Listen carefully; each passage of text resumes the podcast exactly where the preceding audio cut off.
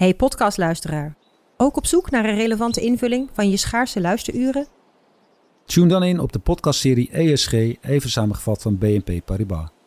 Wij, Marloes en Aldert, spreken daar duurzame voorlopers en wereldverbeteraars. Waarover dan? Nou, bijvoorbeeld of we ooit duurzaam kunnen gaan vliegen. En waarom koeien in de stad nou een goed idee is? Dat en meer elke twee weken in een nieuwe aflevering. Dus abonneer je. ESG, even samengevat. Al 125 jaar kwaliteit voor jou thuis met Miele. Dat vieren we met jou. Ontvang nu tijdelijk een cashback tot 125 euro op veel Miele-apparatuur. Geniet van de kwaliteit van Miele. Voor perfect verzorgd wasgoed en kleding die veel langer mooi blijft. Voor een stralend schone vaat, even perfect als jouw diners. En een stofvrij thuis waarin echt hygiënisch schoon de standaard is. Check miele.nl voor alle feestelijke aanbiedingen.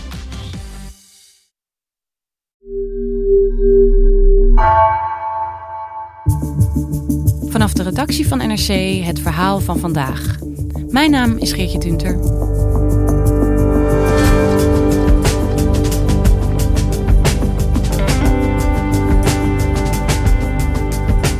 Het rommelt bij de NCTV, de overheidsinstelling die in 2004 werd opgericht om informatie over terrorisme te bundelen. Uit onderzoek van NRC komt een beeld naar voren van een organisatie die onbevoegd data van burgers verzamelde en deelde en zich schikte naar politieke druk. Hoe onafhankelijk is de NCTV eigenlijk?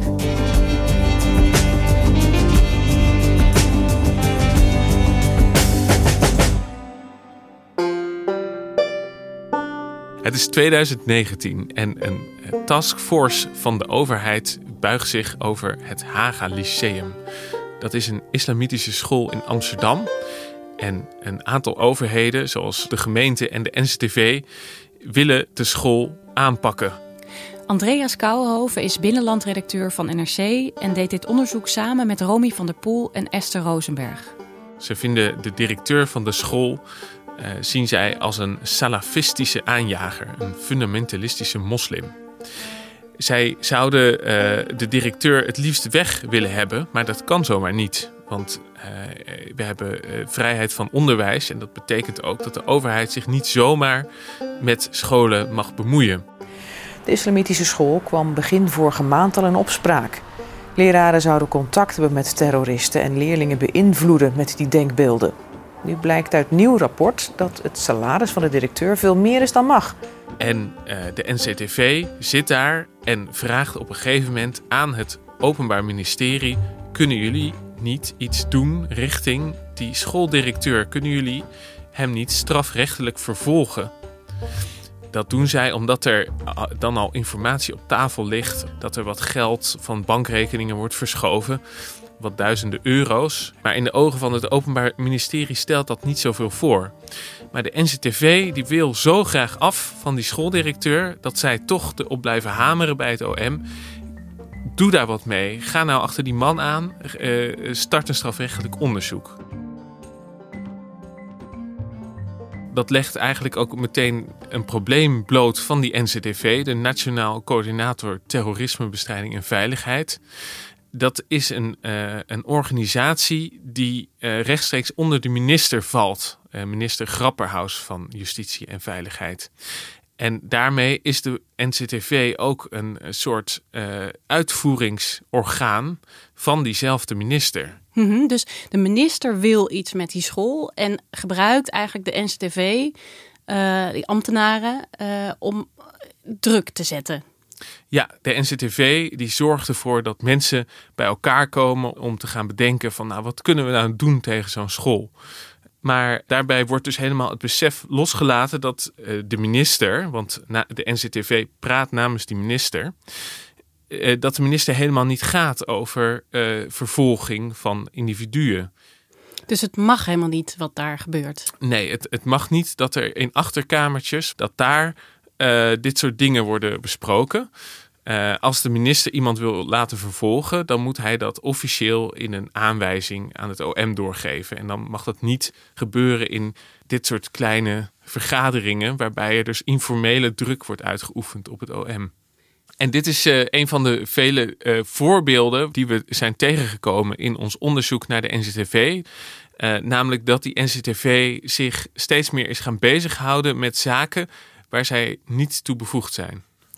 Jullie zeggen dus eigenlijk, deze overheidsinstelling gaat zijn boekje echt te buiten, hè? als ik dat zo mag samenvatten. Wat is dan formeel wel hun taak? Ja, dat is uh, vrij uh, complex. Misschien moet je daarvoor eerst even terug naar het uh, ontstaan van de coördinator. Dat was in 2004 na de aanslagen in Madrid in de uh, metro's. En daarna kwam de moord op, uh, op Theo van Gogh. Mm -hmm. Dat was uh, hè, een periode waarin er opeens heel veel aandacht kwam voor terrorisme in Europa. En de overheid, de, de regering, wilde daar graag meer grip op. Die wilde meer informatie over wat de actuele dreigingen waren.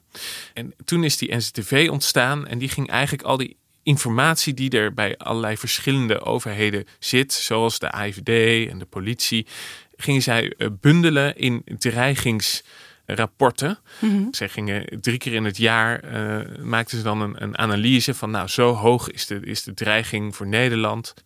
De kans op een terroristische aanslag in Nederland blijft reëel. Voor het eerst gold in Nederland gisteren het hoogste terroristische dreigingsniveau, niveau 5. Het dreigingsniveau voor terreur in ons land wordt niet verhoogd, zegt de Nationaal Coördinator Terrorismebestrijding. Maar eerst de nieuwe dreigingsanalyse terrorisme.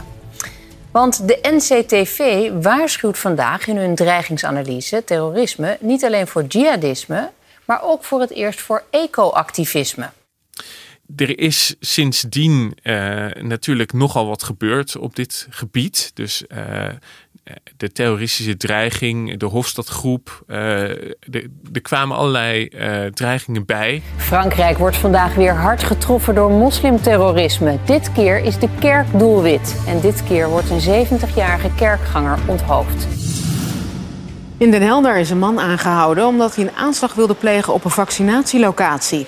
Volgens de politie wilde hij een vuurwerkbom laten. Groot verdriet, maar ook ongeloof in Duitsland. Bij een terroristische aanslag zijn daar tien mensen omgekomen. Bij een politieactie in vier plaatsen zijn vanochtend zeven terreurverdachten aangehouden. Daarmee is een acute terreurdreiging van de kant van de Hofstadgroep weggenomen. De STV die heeft dat gaandeweg allemaal uh, op haar bordje erbij gekregen. Dus waar er dus in 2004, waar ze begonnen met wat tientallen ambtenaren, is dat een enorme organisatie van nu bijna 300 man geworden. En ze gaan nu over van alles, van uh, vliegverkeer tot cybersecurity. En tegelijkertijd zie je dat, die, uh, dat diezelfde NCTV er uh, niet echt meer bevoegdheden bij heeft gekregen. Zij, zij mogen eigenlijk qua bevoegdheden gewoon niets meer dan een ambtenaar uh, uit een willekeurige gemeente in Nederland. Oké, dus zij hebben eigenlijk helemaal geen speciale bevoegdheden. Ze zijn, nou ja, zoals jij net zegt, gelijk aan een willekeurige ambtenaar van een willekeurige gemeente. Maar aan andere kant, hoe kan het nou dat die achter de schermen het OM zo onder druk zetten? Ik bedoel, hoe komen ze überhaupt in die positie? Ik denk dat het te maken heeft met uh, onder andere het feit dat er in 2014 het uh, kalifaat is opgericht door mm -hmm. ISIS en dat daar uh, heel veel over te doen is geweest al vrij snel in 2013, zodra uh, mensen zich gingen aansluiten bij jihadistische strijdgroepen, hebben zij uh, uh, ja, de, hun monitoring specialisten de opdracht gegeven om die mensen te volgen. Om te kijken wat ze daar uitvreten. En dat was omdat zij ook te graag de minister wilden informeren. Van, van nou, kijk eens, dit zien we allemaal. En, en dan kon de minister weer Tweede Kamerleden te woord staan. Kon de minister de pers beantwoorden als er weer een, een Nederlander in Raqqa was opgedoken die daar een machinegeweer aan het afschieten was. Hè, dan, dan, dan bestaat er een politieke behoefte om dat zo snel mogelijk te kunnen duiden. En wat je dus eigenlijk zag is dat de IVD vrij terughoudend was om daar, daar informatie over prijs te geven. En ook de politie en het OM die zagen het niet echt tot hun taak om de minister de hele tijd over incidentjes in de media bij te praten. Want de IVD en de politie zeggen ja, dat is eigenlijk helemaal onze taak niet. Nee, dat klopt. En de IVD die mag ook uh, bepaalde dingen niet delen. Als er bijvoorbeeld uh, bronnen in gevaar komen uh, of als er informatie van buitenlandse diensten is verkregen, dan mogen zij dat niet zomaar aan de minister gaan, gaan verstrekken. Ja, en dus de NCTV die doet dat dus wel. Nou, dat komt natuurlijk hartstikke mooi uit. Die voorziet eigenlijk in een hele grote behoefte aan informatie. En ze zijn dus niet gebonden aan dezelfde strenge regels als de AIVD. Dus zij kunnen gewoon hun gang gaan. Ja, de NCTV die is uh, uh, vanaf dat moment van die Syriëgangers ook veel breder gaan kijken. Dus Mhm. die is ook allerlei andere activisten gaan volgen online om daar uh, informatie over te verstrekken aan bijvoorbeeld andere ministeries, aan bijvoorbeeld gemeenten. En um, ja, dat soort berichten zijn heel prettig voor de overheid om te ontvangen, want dan kunnen zij weer rekening mee houden om alles binnen de perken te houden. Ja. Maar als er voor die berichten die de NCTV maakt, als daar personen langdurig online worden gevolgd, dan uh, mag dat niet.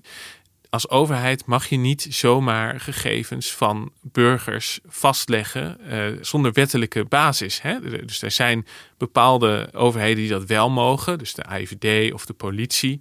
Maar die hebben dan een, een wet waar precies in staat beschreven wanneer zij mensen mogen gaan volgen. Dus als er aanwijzingen zijn dat iemand bijvoorbeeld de wet overtreedt, dan mag je iemand uh, online uh, uh, alle gegevens over gaan opzoeken. Mm -hmm. Maar als je totaal zonder wettelijke basis naar, naar Jan en Alleman gaat kijken, dan, dan schendt je dus eigenlijk de privacy van die burgers. Dus dat mag helemaal niet.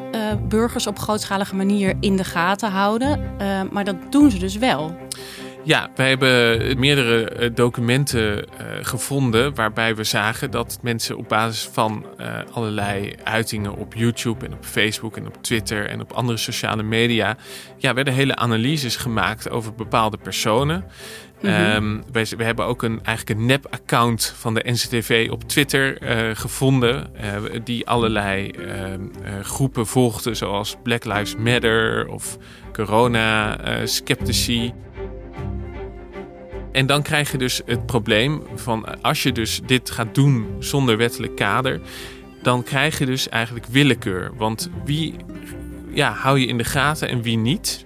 Wat wij zien is dat het gewoon allerlei kanten op gaat. Dus uh, allerlei soorten activisten die worden gevolgd. En dat kan natuurlijk niet de bedoeling zijn. Want uh, ja, zoals we allemaal uh, weten, wordt activisme. Dat is denk ik een groot goed dat dat kan bestaan in een, in een land. Hebben jullie ook mensen of instanties gevonden die daar ook daadwerkelijk last van hebben gehad? Ja, meerdere gevallen zijn we tegengekomen die op basis van dit soort uh, uh, ja, buitenwettelijke onderzoekjes die daar te, uh, last van hebben gehad. dat gaat bijvoorbeeld om een gevangenisimam die ook een moskeetje runt. Die in het vizier kwam van die analisten van de NCTV. Die zagen op internet wat uitingen vanuit die moskee. En die zijn dat allemaal gaan verzamelen. En dat werd in een uh, documentje dan naar het gevangeniswezen gestuurd. Van mm -hmm. kijk eens, jullie imam die daar met, uh, met gevangenen werkt... die uh, zit bij die moskee en die moskee die schrijft dit online. Dus nou, ik zou maar eens heel goed gaan kijken. En ja, op basis van dat soort toch betrekkelijk vage informatie... werd dan zo'n imam op non-actief gesteld... om Mhm. mm -hmm. zeven maanden later te concluderen dat er eigenlijk niks aan de hand was.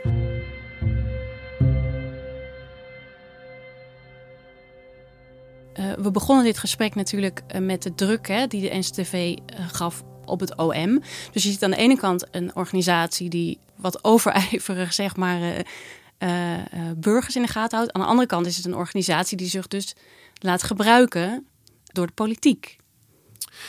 Ja, het is een organisatie die door andere overheidsdiensten wel wordt gezien als een verlengstuk van de minister van Justitie en Veiligheid. Iemand uh, bij, een, uh, bij een overheid noemde hen de loopjongens van Grapperhaus. Ja. En daarmee bedoelen ze dus eigenlijk dat als de minister beleid uh, maakt, dan moeten de NZTV'ers er gewoon voor zorgen dat dat wordt uitgevoerd. En dat in de praktijk blijkt dat dat eigenlijk helemaal niet werkt, zo'n maatregel. Uh, ja, er is nu bijvoorbeeld veel te doen hè, om, de, om de vrouwen in Syrië, die daar vanuit Nederland heen zijn gegaan. Moeten de vrouwelijke Syriëgangers en hun kinderen die nu vastzitten in Koerdische kampen in Noord-Syrië worden teruggehaald naar Nederland? Al tijden wordt daarover gediscussieerd. Hoe die discussie ook uitpakt, de Syriëgangers blijven een Er is eigenlijk vanuit uh, tal van organisaties is er al heel lang gezegd van uh, zorg nou dat die, die vrouwen en die kinderen terug worden gehaald, zodat zij hier kunnen berecht, hier kunnen we ze opsluiten, hier hebben we zicht op ze. In plaats van als je ze daar laat, dan raak je ze op een gegeven moment kwijt. En dan komen ze onder de radar terecht en dan weet je niet wat ze gaan doen. Nou, dat soort adviezen, die worden dus door de NCTV echt uh, ja, tegengehouden, zodat de minister die maar niet te horen krijgt, want anders kan het gebeuren dat er dus een, een onwelgevallig advies bij de minister terechtkomt. En, en zo werkt die NCTV uh, eh, een beetje. Uh, uiteindelijk is, wordt dan uh, wordt zo'n memo opgesteld en wordt dat gepresenteerd aan de top van de NCTV. En dan wordt er gezegd van nou, dank voor jullie werk, maar uh, dit gaat dus de onderste la in. Want hier zit de minister niet op te wachten.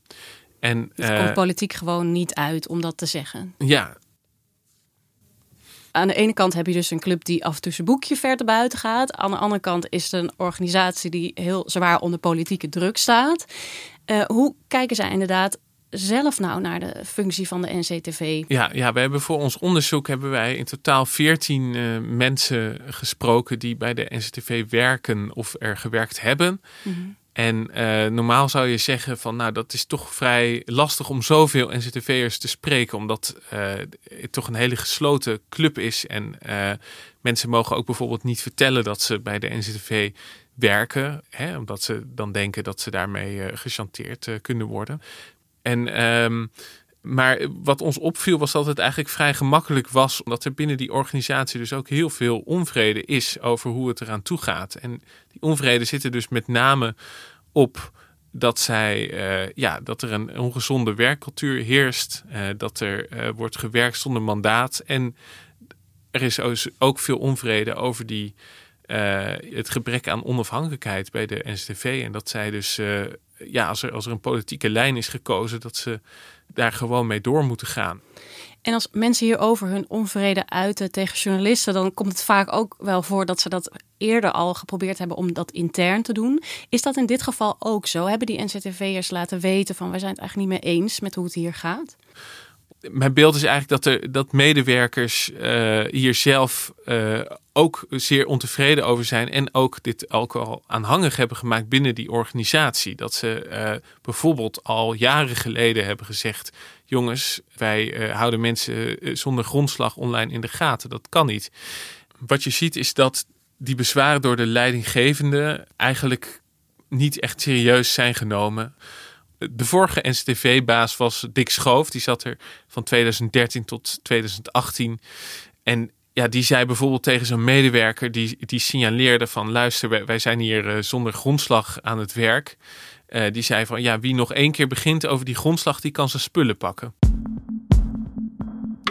En je kunt je dus ook afvragen hoeveel er nu nog uh, zal veranderen daaraan. Omdat diezelfde Dick Schoof nu de hoogste baas is van het uh, ministerie van Justitie en Veiligheid. Hij is daar de secretaris-generaal.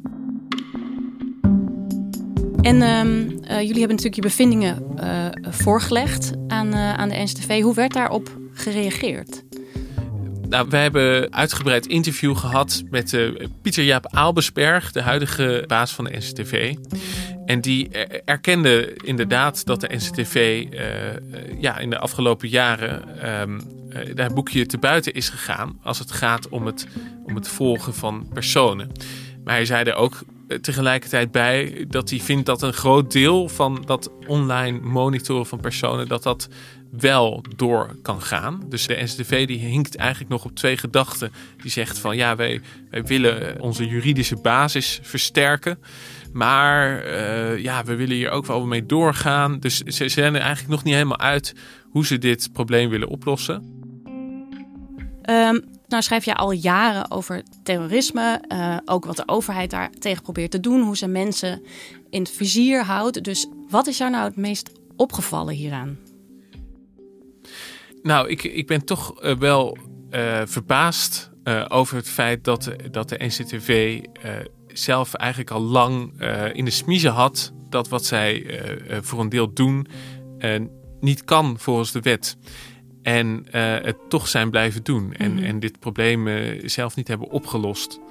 Ik denk dat de NCTV absoluut een, een rol moet hebben in die uh, bestrijding van, van, van, het terrorisme. Maar ik denk ook dat het belangrijk is dat de NCTV een, een geloofwaardige boodschapper blijft. Dus dat als de NCTV problemen signaleert, dat mensen erop kunnen vertrouwen dat dat gebaseerd is op echte feiten.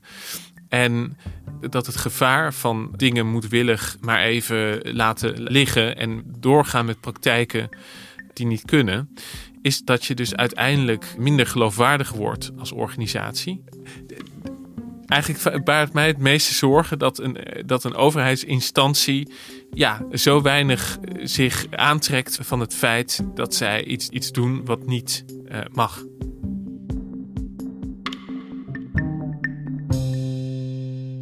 Dankjewel, Andreas. Alsjeblieft.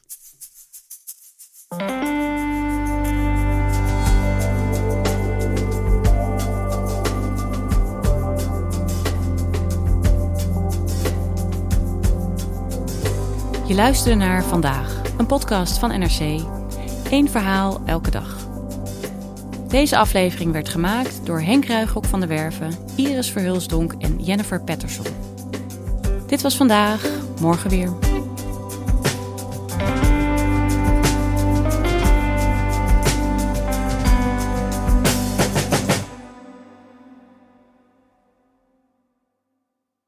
Voorkom dat je vermogen verdampt op je bankrekening. Beleg bij Bridgefund in kortlopende leningen aan Nederlandse MKB'ers. Inleg vanaf 100.000 euro en rendement tot wel 5,25% per jaar. Bridgefund.